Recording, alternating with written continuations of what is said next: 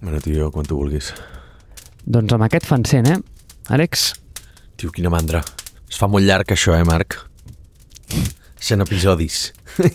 Fins quan més? se t'ha fet llarg? No, no, però vull dir... És el que comentàvem el, en algun d'aquests episodis, el tema aquest de la constància i, i la, la consistència d'estar sempre allà donant per sac setmana rere setmana que ha de sortir. O sigui, ho hem aconseguit, eh? Vull dir, per mi és un, és un gran... És una gran fita perquè jo me n'adono de totes aquestes coses que tinc, que de, de llarga durada, constància i tot això, la majoria no aconsegueixo tenir aquesta dedicació, no? O sigui, ahir, ahir vam fer Startup Grind i va ser el número 140, val? 140 en quasi 10 anys. Però, i, i aquest sí que no ens hem saltat mai cap més, eh? Però hem estat molt, molt, molt a prop, moltes vegades. Moltes vegades, una setmana abans de l'esdeveniment, no tenia speaker i, i pensava, dic, va, tio, cancelo, no tinc ganes, o sigui, no tinc força, i al final arribes i, i trobes algú, no? O jo què sé, tot de desgràcies s'acumulen.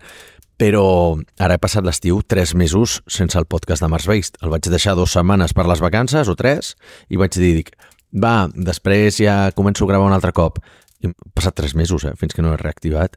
A les newsletters, algun altre doncs, també ha tingut, tècnicament hauria de sortir cada mes, bueno, algun mes me l'he saltat.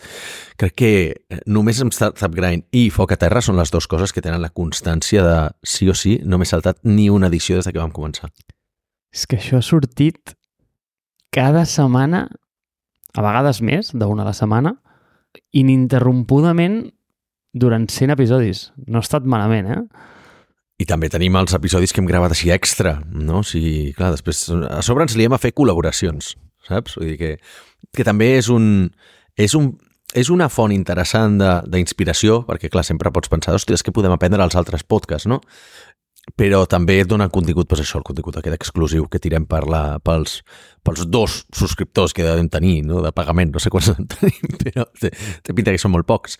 Però, però està bé, no?, conèixer noves audiències i que hi hagi aquest trasbassament i després, vulguis que no, doncs, hòstia, ens comencem a seguir per Twitter i, i dona visibilitat a, a altres projectes que també, que també estan molt bé, no?, que vam col·laborar amb la gent dels ignorants, amb els de la nova mobilitat, vull dir que, bueno, a poc a poc, saps? Algun dia ja ens convidaran a Sotana, ja veuràs.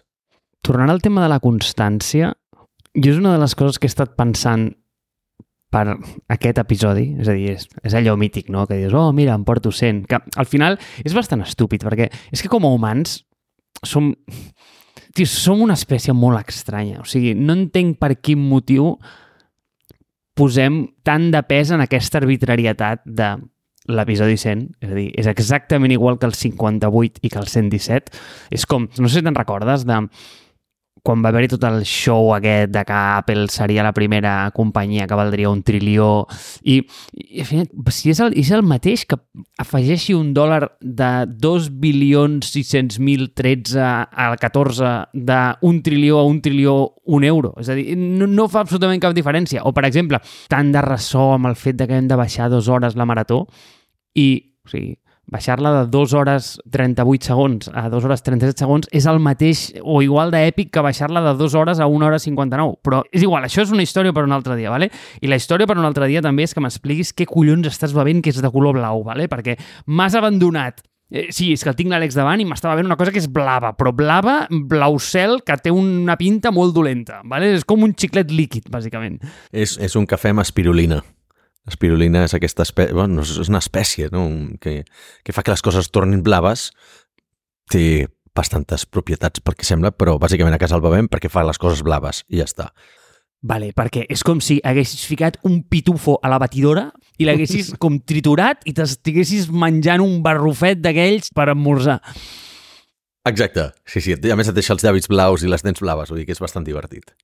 Molt bé. Dit això, no ens perdem, vale? i Però no, no, no ens perdem, no ens perdem. tanquem el, el desviu de l'arbitrarietat dels números i obrim el que volia obrir inicialment, que és el poder de la constància. I fent una mica de retrospectiva, i això jo convido que ho faci tothom perquè és interessant, eh? sobre on som constants i on no, al final arribes a la conclusió que és un miracle que res en aquest planeta funcioni. Eh, O sigui, m'explico, eh? M'explico. Vivim en un món de tantes distraccions i tenim com aquesta falsa il·lusió que fem o volem fer tantes coses que és que no entenc com collons acabem fent alguna cosa. I m'explico una mica més. És com aquella fàbula del burro que va per un camí i té moltíssima set i moltíssima gana. I es troba a un cantó del camí palla i a l'altre cantó aigua. I com que té tanta set i gana, és incapaç de decidir-se si anar cap a la dreta o cap a l'esquerra per beure o menjar, i es mor de gana i de set a la vegada i cau al terra mort. Pues crec que la, la nostra espècie humana és exactament això. O sigui, tio, jo em poso a treballar, rebo una notificació que em recorda que tinc que provar aquella nova app. I això em fica com en un rabbit hole on vull quedar amb un amic, però estic massa preocupat per si va sortir guapo o no la foto de l'Instagram, em poso al Twitter i el meu feed m'ensenya pues, una foto d'una amiga meva i al costat eh, un bombardeig de la franja de Gaza, que això també, tio, la bipolaritat aquesta de les xarxes, tenir en un mateix feed coses tan contradictòries, crec que algun dia també ens farà alguna cosa. Però, o sigui, tio, jo què sé, et vols ficar a llegir un llibre, però ara obres el mòbil... O sigui, és que tenim tantes coses hi ha tanta merda oberta que és que no sé com collons ens podem concentrar a fer res a la vida. I quan miro enrere i dic, mira, xato, doncs almenys això ho has fet durant 100 episodis, em deu un copet a l'esquena i penso, bueno, doncs, pues,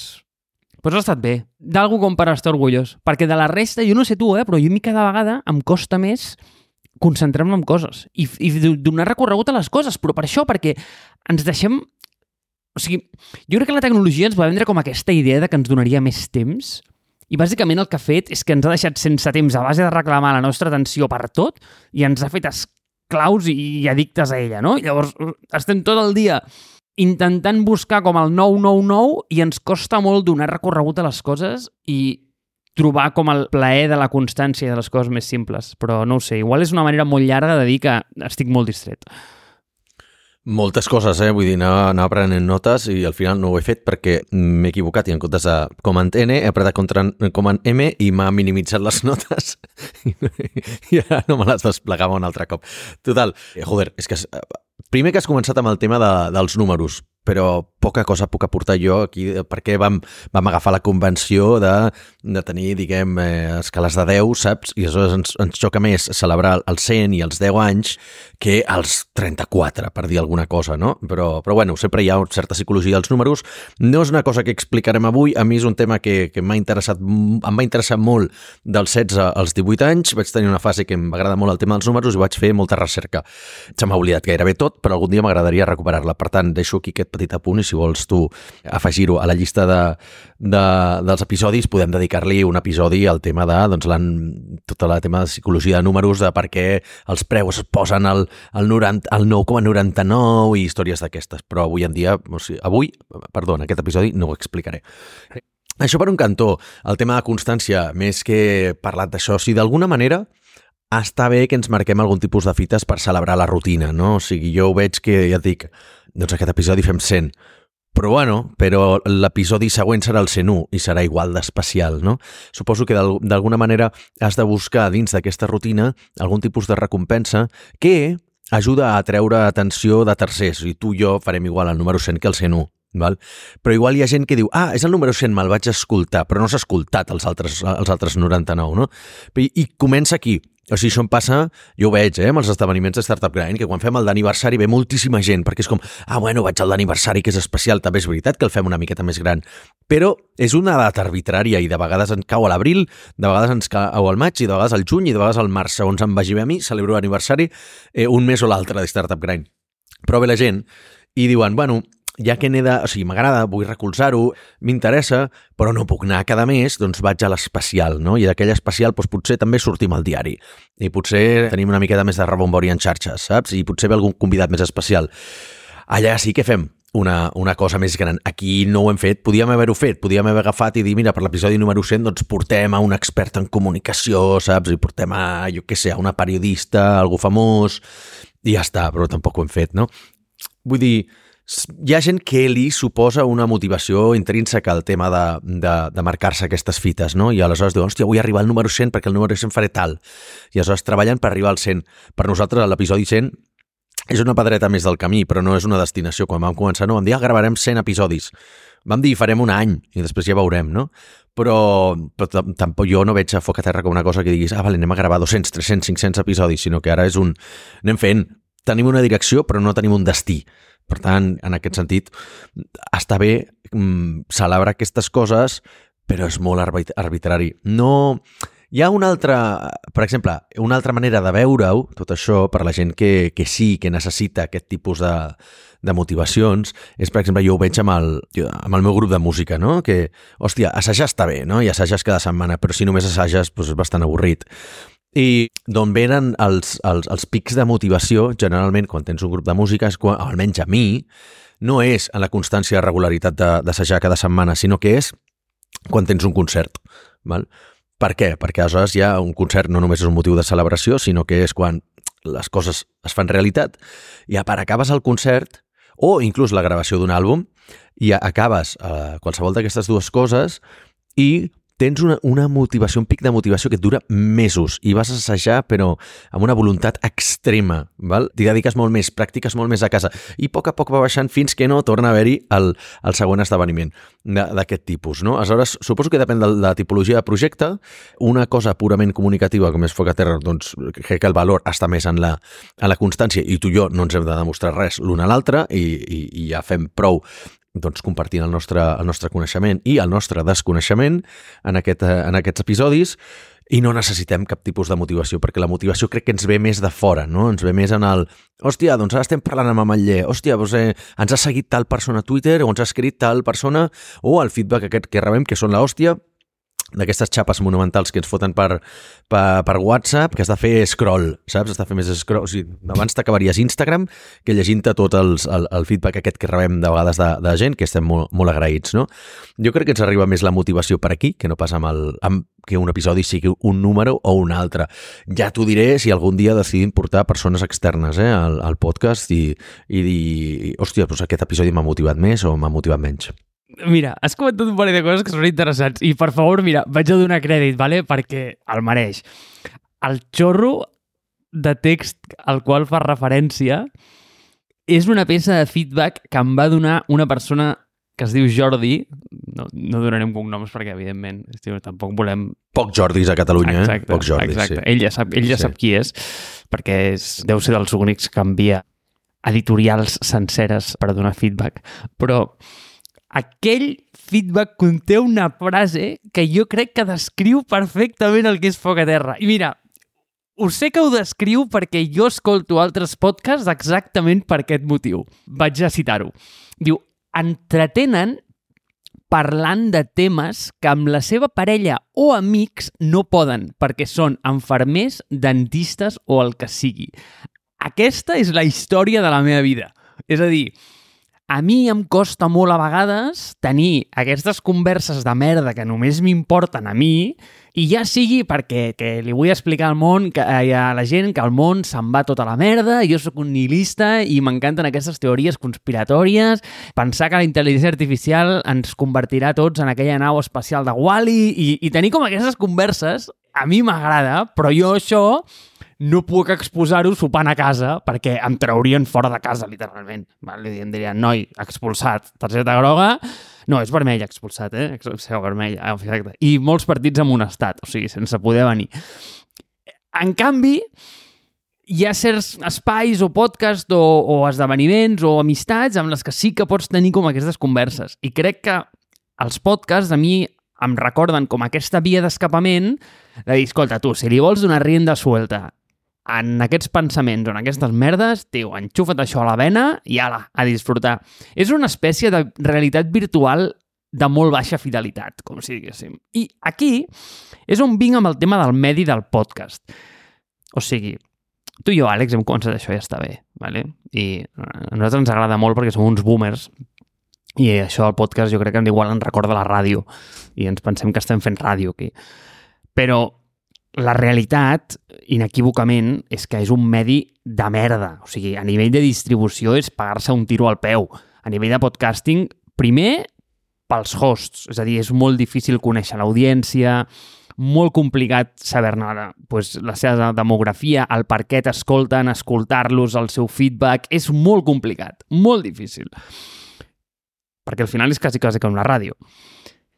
I per altra banda, a nivell d'audiència, és dificilíssim escoltar-nos, i quan dic dificilíssim vull dir que restringeixes moltíssim la teva audiència perquè requereix almenys d'un cert coneixement tècnic el fet de d'escoltar un podcast, perquè has de tenir una aplicació dedicada a podcast, has d'entendre el concepte de subscriure't en el, en el show o, o en el programa, has de saber, pues, no ho sé, vull dir que se't descarreguen els episodis pues, un cop es, es publiquen. I hi ha complexitat, no és fàcil, no és senzill, no és com clic a un vídeo de YouTube i mirar-ho, no? I, I aquesta és una altra cosa. Això hagués pogut començar com un vídeo, com un vídeo de YouTube, ide idealment. De fet, és que si a mi em preguntes pel futur de la indústria, jo crec que va molt per YouTube, eh? però aquí tinc, tinc pensaments creuats, si vols en podem parlar un dia. Però si haguéssim començat com un vídeos de YouTube, possiblement a nivell de, de números i d'audiència, estaríem molt més amunt. O TikTok. Oh, bueno, o TikTok. Bueno, bueno, bueno. Ah. Si haguéssim començat amb TikTok, tio, ara, a dia d'avui, eh, ens haguessin convidat a la Casa Blanca, ja. o sigui, ja per... Sí, no, no, és que Àlex, t'ho dic, eh? si tu mires en el diccionari de sinònims i antònims i poses TikTok, et surt podcast l'oposat màxim. No hi ha res més antònim que un podcast comparat amb TikTok. O sigui, té exactament tot el contrari del que, té, del que té. En fi, és igual. On volies arribar amb això? No ho sé. No ho sé. vale, perquè... Ah, sí, sé on volia arribar. Perquè tu m'has dit el tema de la motivació i de, i de per què ho fem. Et volia preguntar que quin era com el teu concert del podcast. Bona pregunta. Ja et dic, jo crec que són més coses externes a la gravació, val? És a dir, el que aquestes petites coses de col·laboracions que puguem fer, de dir, hòstia, doncs mira, jo què sé, que de cop i volta, doncs, quan ens van donar subvenció de la Generalitat l'any passat, doncs, hòstia, doncs vol dir que aquí tenim alguna cosa. Quan ens ha escrit periodistes de Catalunya Ràdio felicitant-nos pel podcast i fent-nos una menció i fent-nos eh, contingut dedicat a, a xarxes. Doncs puta mare, realment eh, va ser una, una, una, una gran troballa i, i, i, ho celebrem i estem molt agraïts quan comencem a parlar ara, doncs, amb Marc, quan vam parlar amb Apple i ens van fer el... Hòstia, per mi allò va ser un subidon. Uh, el de poder parlar ara obertament amb la, amb la gent de, de Casa Matller, saps? Vull dir, no sé, per a mi aquestes coses em donen molta més motivació que el que és el, el, el podcast en si, saps? Vull dir, el, la gravació. O sigui, no, jo no surto d'un podcast, d'una gravació en podcast com l'episodi d'avui i penso, buah, tio, estem en ratxa, quin subidon que porto, ja tinc ganes de gravar el següent. No, perquè no, no em fa falta. O sigui, ja estic tan acostumat a fer podcast que ho entenc com una tasca més de la setmana, no? Però trobo molta motivació en totes aquestes coses externes derivades de fer-ho, no? De dir, ei, estem veient que això porta resultats. I, i ni tan sols miro les mètriques perquè les mires tu, no? Però, però quan les miro, quan hi entro al, al, al fantàstic dashboard de rss.com, doncs sí que és veritat que dius, ostres, doncs eh, té, té molt d'interès i veus, veus els, els fruits de recorregut. Et diré una cosa, vull dir, poc a terra portem un any i mig fent-lo i, i ja té el doble de visites per episodi que el podcast de Mars Base, que portem 3 anys fent-lo, saps? Em dona fins i tot com una certa enveja. Però veig el valor de les coses en català, també. Jo crec que, que aquí també tenim la, la motivació aquesta de, de poder fer coses en català i et diré, és una cosa compartida que també veig amb el meu grup de música, que jo, clar, jo, com que jo mai he consumit contingut en català més enllà dels dibuixos de TV3, saps? Però jo que sé, música en català doncs no l'havia escoltat mai i sempre m'ha fet una miqueta de... Bueno, no sé com dir-ho, però no, no estava precisament aficionat a la música en català, almenys la dels anys 90 ni la dels 2000, i, I de cop i volta em trobo que fa dos anys m'uneixo, o fa un any i mig, m'uneixo a un grup de punk rock en català i vaig dir, hòstia, música en català, tio, no sé si... I ara, doncs, bueno, no tireu estem patant, però també estan anant molt bé. Per tant, veig el valor aquest del nínxol de dir, ei, ho comentàvem en un episodi, no? Val més la pena ser un peix gran en un, en, en un estany o, o un peix petit en un oceà, saps? Què vol ser? Cabeza de león o, o eh, com és, cola de león o cabeza de ratón, no? En aquest sentit. I, i trobo que potser en un món tan globalitzat i tan on, on el preu de la atenció de la gent és tan car, ostres, començar pels nínxols i qualificar audiències i després créixer i cada cop fer-te més generalista, la veritat és que té, té molt de mèrit. Mira, un exemple et posaré. Miquel Montoro, et sona qui és Miquel Montoro, Marc? Merda, no. El nen mallorquí aquell del de les taronges, saps? El de les pilotes. Merda, merda, merda. A nivell de cultura popular vaig molt coix, Àlex. Hòstia.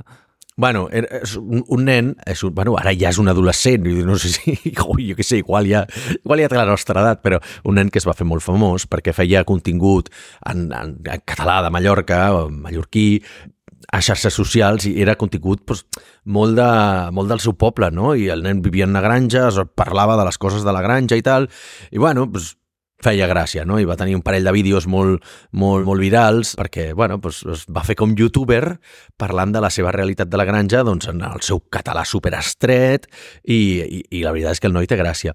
Què passa? Que el xaval aquest doncs, va començar a, a tenir molta repercussió, va començar a sortir a la tele, milers de seguidors a xarxes, etc etc. Va arribar un moment que va dir lo típic de hablar en castellano para que me entienda todo el mundo, val? Per, perquè deia, hòstia, clar, ja és que m'agradaria arribar a noves audiències i de cop i volta va veure que el seu contingut no feia clic al públic, l'audiència castellanoparlant, i no la va guanyar. I va perdre la catalana, perquè la catalana va dir, va, venut, ja no m'interessa, jo t'es- jo t'escoltava o et veia perquè, perquè, perquè ho feies en català i m'agradava doncs, sentir-te parlar amb la teva llengua eh, materna i, i tal, tal, tal, però el contingut en castellà doncs, ara ja és més orientat, massa generalista i també, evidentment, doncs, alguns van dir que era un putifler. Però, però aquí la gràcia d'aquesta és que al final ha tornat a fer el contingut en català perquè al final s'ha donat que el seu, el seu mercat és aquell. I aleshores potser fer una transició a ser massa generalista acaba traint els teus interessos originals, no? O sigui que eh, és difícil. O sigui, el resum, Marc, que no farem mai foc, foc a terra en castellà. No, o sigui, evidentment que no. Només... No, clar, clar, clar, però espera, espera. Abans me'n vaig a treballar a Globo, mira què et dic. A Telefònica. Escolta un moment, atenció. Digues. Vaig a donar consells no sol·licitats. Si algú algun dia es planteja fer un podcast, jo li diria no el facis. Un podcast vull dir en el mitjà podcasting, com, com a tal. Crec que és un mitjà horrible. M'encanta, estic enamorat i em dedico en això i sempre negaré haver-ho dit, el que acabo de dir ara. Vull pensar que ha sigut el Marc que entretén a l'audiència el que ho ha dit, no el que ho pensa. En realitat no, o sigui, ho penso, és així. Crec que a dia d'avui, si vols començar un podcast i el que vols és tenir audiència, el millor és començar-lo a YouTube, sincerament, o el que tu dius, o a TikTok, mm, o no sé si a Instagram es poden fer podcasts, però segur que estan bé. Allà, és igual, on sigui. Però el mitjà de podcasting en si, tio, jo, jo n'estic enamorat i ho recomanaré a tothom, però crec que és una molt mala recepta per aconseguir una audiència. No? A mi m'agrada molt el concepte aquest del producte acabat, de posar una cosa en el món que no és efímera i que no és volàtil, sinó que, tio, que es queden allà, que és com un producte que tu el veus, no? Vull dir, com un sofà, com una cadira, com un moble. Doncs per això no ho recomanaria, val? Però, dit això, si encara recomano menys coses, és, primer, fer-lo en català, perquè, i, i sempre estic parlant per tenir audiència, eh? vull dir, ja et dic, aquí vull dir, juguem a una altra lliga, potser, i és el que tu dius, no? Vull dir, tenim uns altres incentius que, que ens motiven, que no són el de tenir 50.000 seguidors al minut, sinó no el fotis en català, perquè en català t'estàs restringint el teu públic objectiu, però és que, a més, et diria, no el facis generalista d'entreteniment com aquest, perquè nosaltres tenim com el pitjor de tots els mons, perquè és que, clar, si parléssim d'algú molt concret, és a dir, sempre parléssim de l'extrusió de plàstics, tindríem un nicho molt concret de gent que són entusiastes de l'extrusió de plàstics. I segur que hi ha un mercat per això, inclús en català. Però com que nosaltres parlem de tot i de res, és molt difícil entendre el nostre mercat. Però llavors estàs competint al mateix nivell que el Buenafuente, literalment. O sigui, és un paio que parla de tot i de res. Fins aquí el consell del dia, no? És a dir, no facis un podcast, no el facis en català, i, però si, mira, si et dona i et tornes boig i vols fer un podcast en català, almenys busca un nicho, perquè, tio, si no, és que és molt difícil entendre la teva audiència. A mi és el que em costa molt, perquè a nivell de podcasting és molt complicat entendre la teva audiència, com qui són els, la gent que t'escolta, però és que si ets generalista d'aquesta manera encara és més complicat i és més difícil, Àlex. És que, tio, ho fem tot malament, macho. Val, però et diré una altra cosa. Mira, una altra, una altra cosa de motivació que, que, que he trobat amb el temps i que no he comentat abans, que és quan vaig a reunir-me amb gent i tal, tal, i sense mencionar el podcast, em diu, ah, per cert, jo escolto tots els teus episodis de Foc a Terra, i dius, i gent, o sigui, nosaltres si estem a, d'una escala del 1 al 10 a nivell de business, Marc, doncs tu i jo estaríem a un nivell similar, estaríem a un 3, per dir alguna cosa. ¿vale? Per què? Doncs perquè, collons, ni hem venut cap empresa molt gran, ni mai hem tingut més de 100 empleats, ni hem sortit a bols, o sigui, bueno, hem fet cosetes, no estem al 0, no estem a l'1, no estem al 2, però estem al 3. Jo crec que és, un, és, que és bastant, bastant just. Però hi ha gent que està al 5, al 6, al 7 i al 8, et diré, i ens escolta el podcast. I jo dic, no pot ser, tio. Dic, jo, jo, jo els pregunto, però, però què fots escoltant aquest podcast, saps? bueno, cadascú té les seves motivacions, però, però quan rebo felicitacions o, o quan ja et dic, no, jo ni tan sols ho comento, eh? no és allò que dic, vaig a la reunió i dic, ah, per cert, tinc un podcast, sinó que comentant-me, o sigui, comentant la jugada i potser a l'inici de la reunió, allò que trenques una miqueta el gel i tot això, i et diuen, ai, per cert, tio, molt bo el podcast, eh? Us escolto cada dia al cotxe, us escolto al gimnàs, no sé què, i jo pensant, dic, tu ens escoltes a nosaltres. Síndrome impostor, doncs, cap a l'estratosfera, no?, bàsicament. Però aquí a, a mi això em dona, em dona molta motivació. I això ho aconsegueixes abans entrant al que dèiem abans, no? en, en, un, en un nínxol, perquè al final eh, molt del feedback que em dona aquesta gent és com, joder, és que al final tot el contingut d'aquest tipus, aquest contingut, o sigui, tot el contingut d'aquesta matèria, diguem, està en castellà, està en anglès. I el que vull també és escoltar coses en català, perquè les, les úniques coses en català que tinc són les dels mitjans grans, Catalunya Ràdio i TV3 i poca cosa més, i el que no és com massa amateur o no té gent suficientment qualificada per parlar de segons quins temes, no? I, bueno, d'alguna manera hem trobat aquest sweet spot de, de, de, de, de gent que vol escoltar contingut en català, que són empresaris i empresàries d'aquí, o gent tècnica del món de la inversió, vulguis que no, que està relacionada amb nosaltres, que diuen, només escolto un podcast en català i és el vostre. És que això és molt impostor, eh? Molt. Em sorprèn que segons qui em digui que m'escolta. Però això passa ja molt a Twitter, perquè o sigui, és com un dia que vaig així la, la reflexió de si tu tot el que poses a Twitter, o sigui, agafa tots els teus tuits, agafa fins i tot els més polèmics, tu això ho, ho cridaries des del balcó d'un ajuntament a una plaça plena de 5.000 persones? No? Aleshores, per què ho poses a Twitter quan tens 5.000 seguidors, saps? I una miqueta és aquest...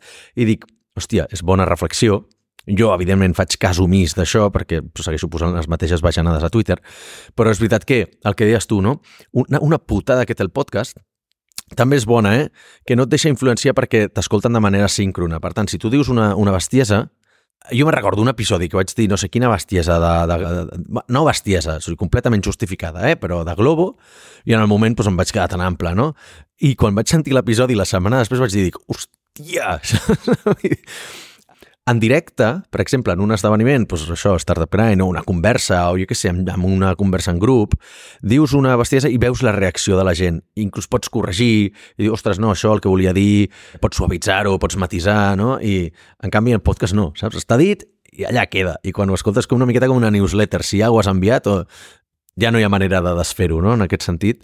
Per tant, per tant és, és interessant aquest tema. Aleshores, clar, quan t'escolta gent de molt més nivell que tu, però també et diré una altra cosa, eh? i aquí el, el tema del síndrome de l'impostor, que és un tema que també he tractat abastament en, en, en els meus canals, una manera de tractar-lo és que, un, és comentar en públic, dos, és reavaluar-lo cada cert temps, no? I dir, val, és veritat, sí, podem pensar que som uns mindundis a nivell de negocis, el que dic, eh? un 3 sobre 10 potser estem en 4, val? però eh, encara ens estem comparant amb gent que, que creiem que està molt per sobre nostra perquè quan els vam conèixer nosaltres érem uns mindundis, no? O sigui, tu imagina't el primer dia que vam conèixer Jordi Priu, que sabem que ens escolta el podcast, per tant, va bé mencionar-lo, no?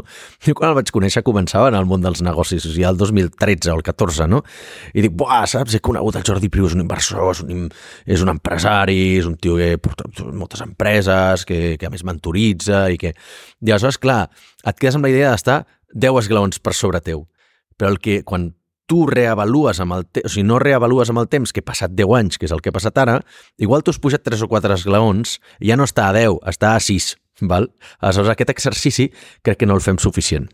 És que el síndrome de l'impostor és que és una merda, Àlex. A veure, i, i m'explico, eh? perquè jugo amb diverses coses. Primer és que a nivell evolutiu jo crec que sí que estàs programat per tenir certa inseguretat i és cert perquè hòstia, tu vius bé eh, en un, dintre d'una tribu i segons quines coses facis, tio, saps que la necessites, per tant, dir quines tonteries i quines no, igual doncs el teu hardware intern et diu, xato, vés amb compte perquè eh, segons com et quedaràs sense tribu i igual si et quedes sense tribu, pues, et moriràs de gana i, i moriràs engerit per un lleó al mig de la selva. Llavors això no està bé. Però, afortunadament, com tio, hem construït com uns recursos socials i unes barreres i unes proteccions que igual això ara ja no és necessari, no? Vull dir, ja no hi ha, no ho sé, vull dir, tigres al carrer Entensa. I què, què és el que passa? El problema es magnifica perquè ara la teva tribu ja no són 20 o 30 persones, sinó que són 20 o 30.000, que t'estan mirant des de fora, ja sigui xarxes socials, eh, el que sigui, no? És a dir, hòstia, sempre estàs com a un pas de fotre la pota d'una manera èpica que allò es faci viral i que tu siguis ridiculitzat absolutament. Que no passa absolutament res. Tio, que el món segueix i com que la gent té una atenció del nivell d'un periquito, cap de 3 segons ja estan fent scroll a TikTok o no sé, on cony estan fent scroll i, i ja s'han oblidat, ¿vale? perquè les nostres ments addictives no ens és suficient com per riure'm de l'Àlex durant tot un dia. No, és, és avorrit riure'm de l'Àlex durant tot un dia perquè l'Àlex l'ha cagat i ha tropassat al mig del carrer. Necessito riure'm de l'Àlex i de 37 més com ell en un dia perquè si no, tio, no m'arriba prou de dopamina al cap. I una de les coses que crec que és interessant sobre el tema de l'impostor és que si tu mires en el món i comences a avaluar les coses i dius, hòstia, a veure, una persiana, un toldo, una pilona municipal, un container, un cotxe, absolutament tot... Sí, sí, tranquil, Àlex, sé que estàs flipant i dius, per on collons vas? On estem anant? On estem anant? Jo ara vaig perquè això està tot relacionat, no et preocupis, ho tinc tot controlat, vale? encara que no ho sembli. Realment no tinc res controlat, però tot això que he dit, i absolutament tot, està fabricat per una persona. A darrere ho ha fet algú. Algú ha creat allò. I segurament algú que no era més llest que tu. Segur, segur que no. Segur. I no vull que això soni com una xarla motivacional barata, però és la puta veritat. O sigui, si et fixes, i torno que ben tancat al principi de l'episodi amb el tema de la constància. Quin és el problema? Diu, el problema és que ho volem fer tot però no fem res. Llavors no ens donem compte que la vida no és una carrera de paral·lelitzar coses, sinó de serialitzar-la.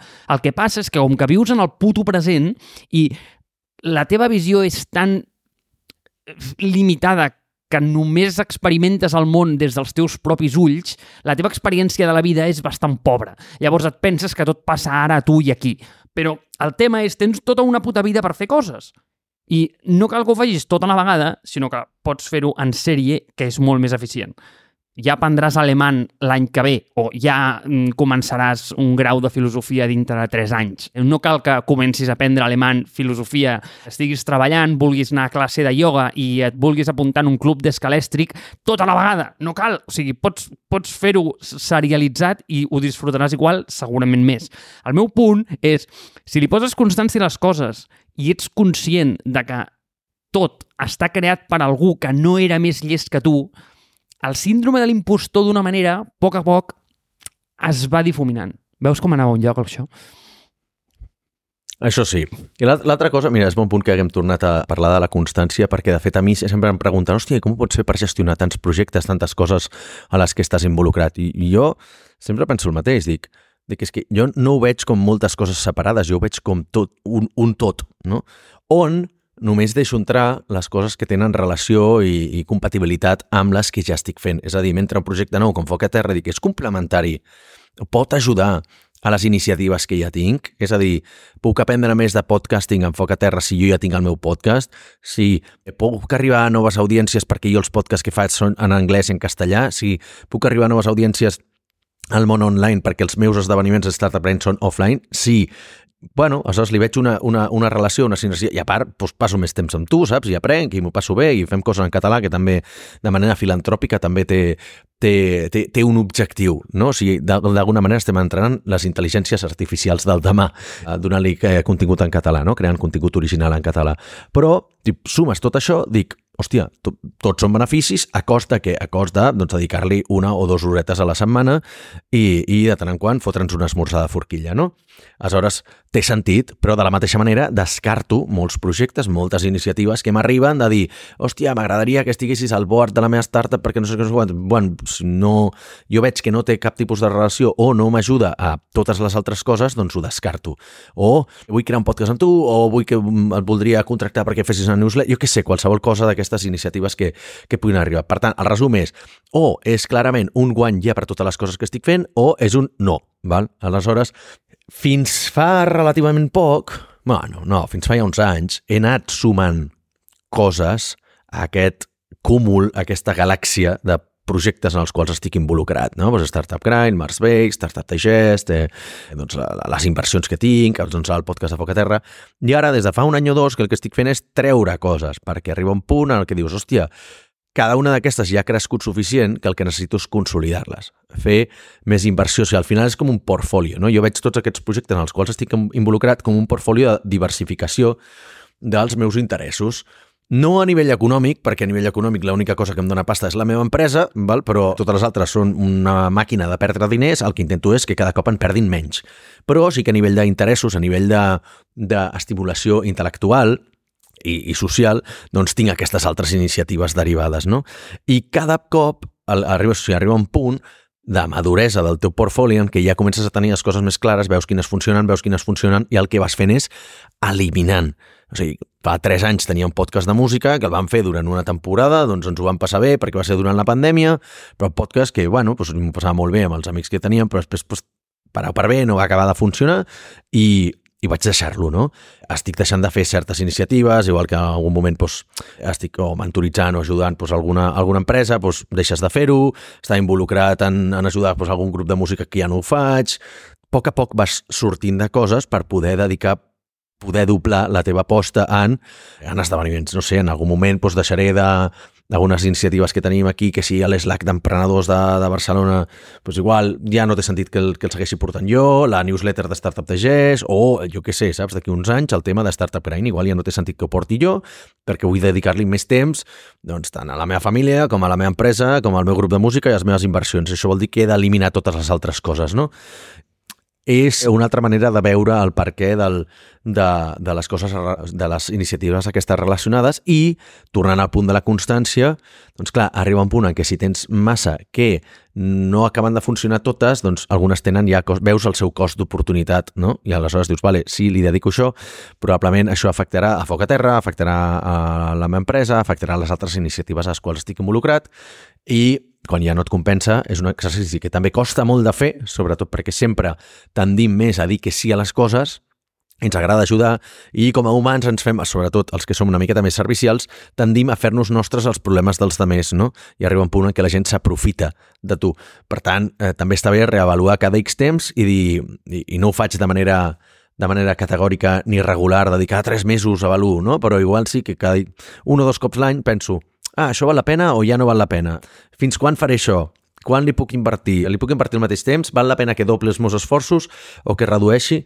Jo crec que d'alguna manera s'hauria de fer això regularment i per, per tots els projectes on estàs involucrat, perquè així també series molt més honest amb tu mateix i amb la, amb la gent en la que igual estàs estirant molt el xiclet, dient, sí, sí, et puc ajudar, espera, no, aquesta setmana no, la següent, la següent vas tirant la pilota endavant i al final te n'adones que el que estàs fent és fent perdre el temps a molta gent ets l'asterisc de les meves xapes. O sigui, tens raó. Aquest efecte sinergètic és l'excepció del rotllo aquest del paral·lelisme. Si les coses capitalitzen sobre elles i no són absolutament oposades o interconnectades, té sentit tenir o mantenir aquests projectes en paral·lel, perquè un retroalimenta els altres. O sigui, hòstia, nen, això avui va de consells, tu, m'estic venint amunt. Escolta, com a dia d'avui, si tu tinguessis que recomanar a un pobre Gen Z mig perdut de la vida, que és el que tindria que fer, i poguessis com deployar tota la teva merda d'experiència sobre ell, perquè no li servis absolutament per res, però tu t'has quedat molt bé perquè has donat consell a algú, és el de... Tio, a dia d'avui és molt difícil ser el millor en alguna cosa, perquè bàsicament estàs competint globalment en un món extremadament competitiu i abans era molt fàcil ser el més X d'un poble, no? És a dir, tio, el més alt, el més guapo, el més ràpid, el més llest, perquè el teu poble tenia 32 habitants. Llavors, ser el millor en algo en 32 és com factible. Però quan aquest 32 es converteix en, no sé, que són 8.000 milions al, al món, són molts, són molts, són molta gent, es fa molt difícil ser el millor de X. Llavors, què recomanaries? Sigues el millor amb algú? Amb algú? No. Recomanaries ser bo amb tres, com top 25%, amb tres o quatre disciplines diferents. No? És a dir, és molt complicat ser el millor tenista del món, però si saps jugar una mica bé al tennis, saps alguna de programació i una mica de nutrició esportiva i tal, tio, doncs igual pots muntar una app per millorar en, no sé, la teva progressió del revés i, del, i de la volea. Jo què sé, tio, m'ho acabo d'inventar, no sé jugar a tennis, vale, Àlex? Llavors, aquest paral·lelisme és on em vinc amb tu de, hòstia, intenta aprofitar com aquestes sinergies de coses que capitalitzen una sobre l'altra per construir un perfil tan únic que només tu puguis tenir i puguis competir amb aquell.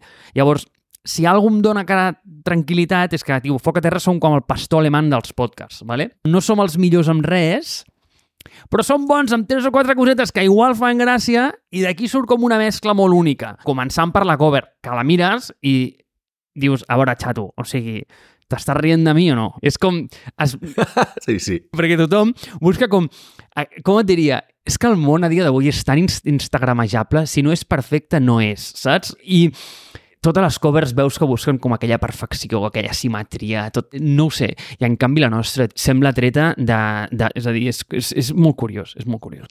I a sobre la cabrona de Carol, que és la dissenyadora, va colar-nos una estelada i, una, i un clítoris, saps? Vull dir, que aleshores des d'aquí recomano a la gent que si té una miqueta de temps lliure que busqui a veure on ens va colar aquestes dues coses al disseny. I vam dir, doncs pues, bueno, pues aquí es queden. Dit això, una mica vull posar, posar un punt de filosofia per acabar l'episodi, val? El que dius tu és super ho vam veure l'any de la pandèmia, el 2020, el que van dir que tots vam començar a competir per l'atenció global de la gent perquè estaven a casa. Fins el 2020 gairebé tothom tenia el seu xiringuito local, no? És a dir, tu tenies el teu museu dels pescadors de l'escala, no sé si existeix, però perquè ens fem una idea, i segurament és el, era el millor museu de l'escala i el museu de, de la regió i la gent que està a prop de l'escala doncs diuen, bueno, un cop a l'any vaig al museu dels pescadors de l'escala, no? El Ah, I, I aleshores tu tens el teu públic. En el moment en què arriba la pandèmia, de cop i volta diuen Val, doncs ara tots els museus del món són gratuïts i són accessibles virtualment. De, doncs aleshores, clar, si et donen el contingut del Louvre um, gratuït, doncs, hòstia, doncs deixaràs d'anar al teu uh, museu local i aniràs al millor museu del món, no? perquè han trencat la barrera de la distància.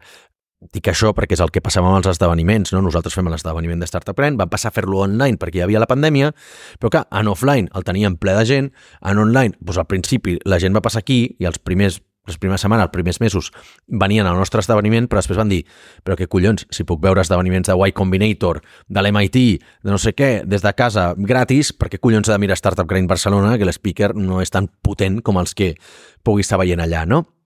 I aquí ens vam adonar de la, del, del problema o les dificultats que portaven la, la globalitat, el, la globalització. Val?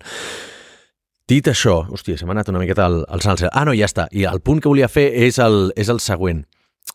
Tenim un repte, vale? està molt bé que facis aquesta reflexió i per no estar preparat, doncs està molt bé, però tenim un repte perquè ara, d'aquí uns mesos, ja no dic anys, eh, d'aquí uns mesos o unes setmanes, començaran ja a aparèixer els, els podcasts aquests que ja Spotify ha llançat el traductor en temps real de, de podcast, no? I pots escoltar a Lex Friedman i altra gent així superconeguda en molts idiomes, de manera doncs, traduït per, per intel·ligència artificial, o no només et canvia el vídeo, sinó a l'àudio, no? I sembla que aquella persona estigui parlant de manera nativa el teu idioma. Per tant, jo veig que haurem de començar a competir, hem de pensar com collons competirem contra els podcasts més famosos del planeta que ja tenen milions en audiència, que de cop i volta la gent podrà dir, hòstia, jo escoltava Foc a Terra perquè estava en català, però és que ara em puc escoltar el podcast de 20 Minute VC, el podcast del Nadie Sabe Nada, el podcast de My First Million, el podcast de, de Joe Rogan, en, en català,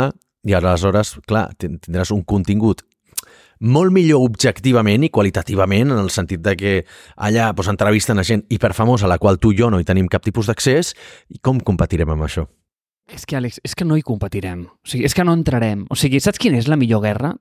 La millor guerra és aquella que guanyes sense que l'altre s'hagi donat compte que has guanyat. I nosaltres no competirem en això, perquè l'Àlex i el Marc no faran un podcast en xinès. Bueno, és que igual, hòstia, som superfamosos a Taipei i no ho sabem, saps? I ens passa com a...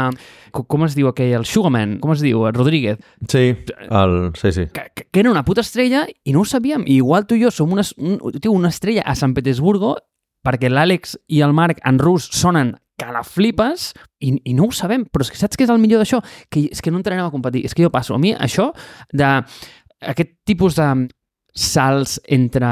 És que vaig a ser molt avi, eh? però és que m'és igual, va la pela. Aquests salts entre lingüístics i que d'alguna manera com et treuen el més genuí de la persona, que són com aquestes expressions. Sempre hem parlat molt d'aquesta eunoia, no? d'aquestes paraules que no tradueixen i aquesta manera d'expressar-te.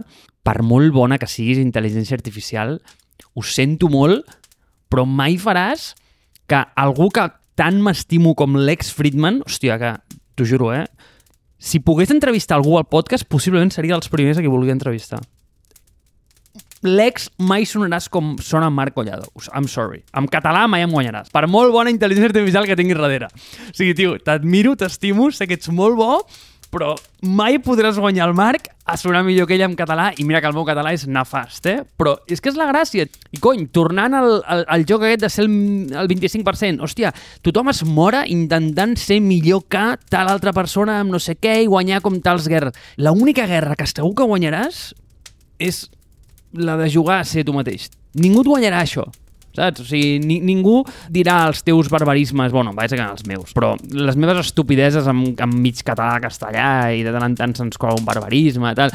Aquestes imperfeccions fa que les coses tinguin, tinguin aquest apil, no? Mira, parlant de, de barbarismes. Però com que vivim en un món tan perfecte, tan magrejable i que tot ha de ser simètric i amb una paleta de colors pastel, pues no sé, a vegades aquestes imperfeccions es perden pel camí, però bueno, històries.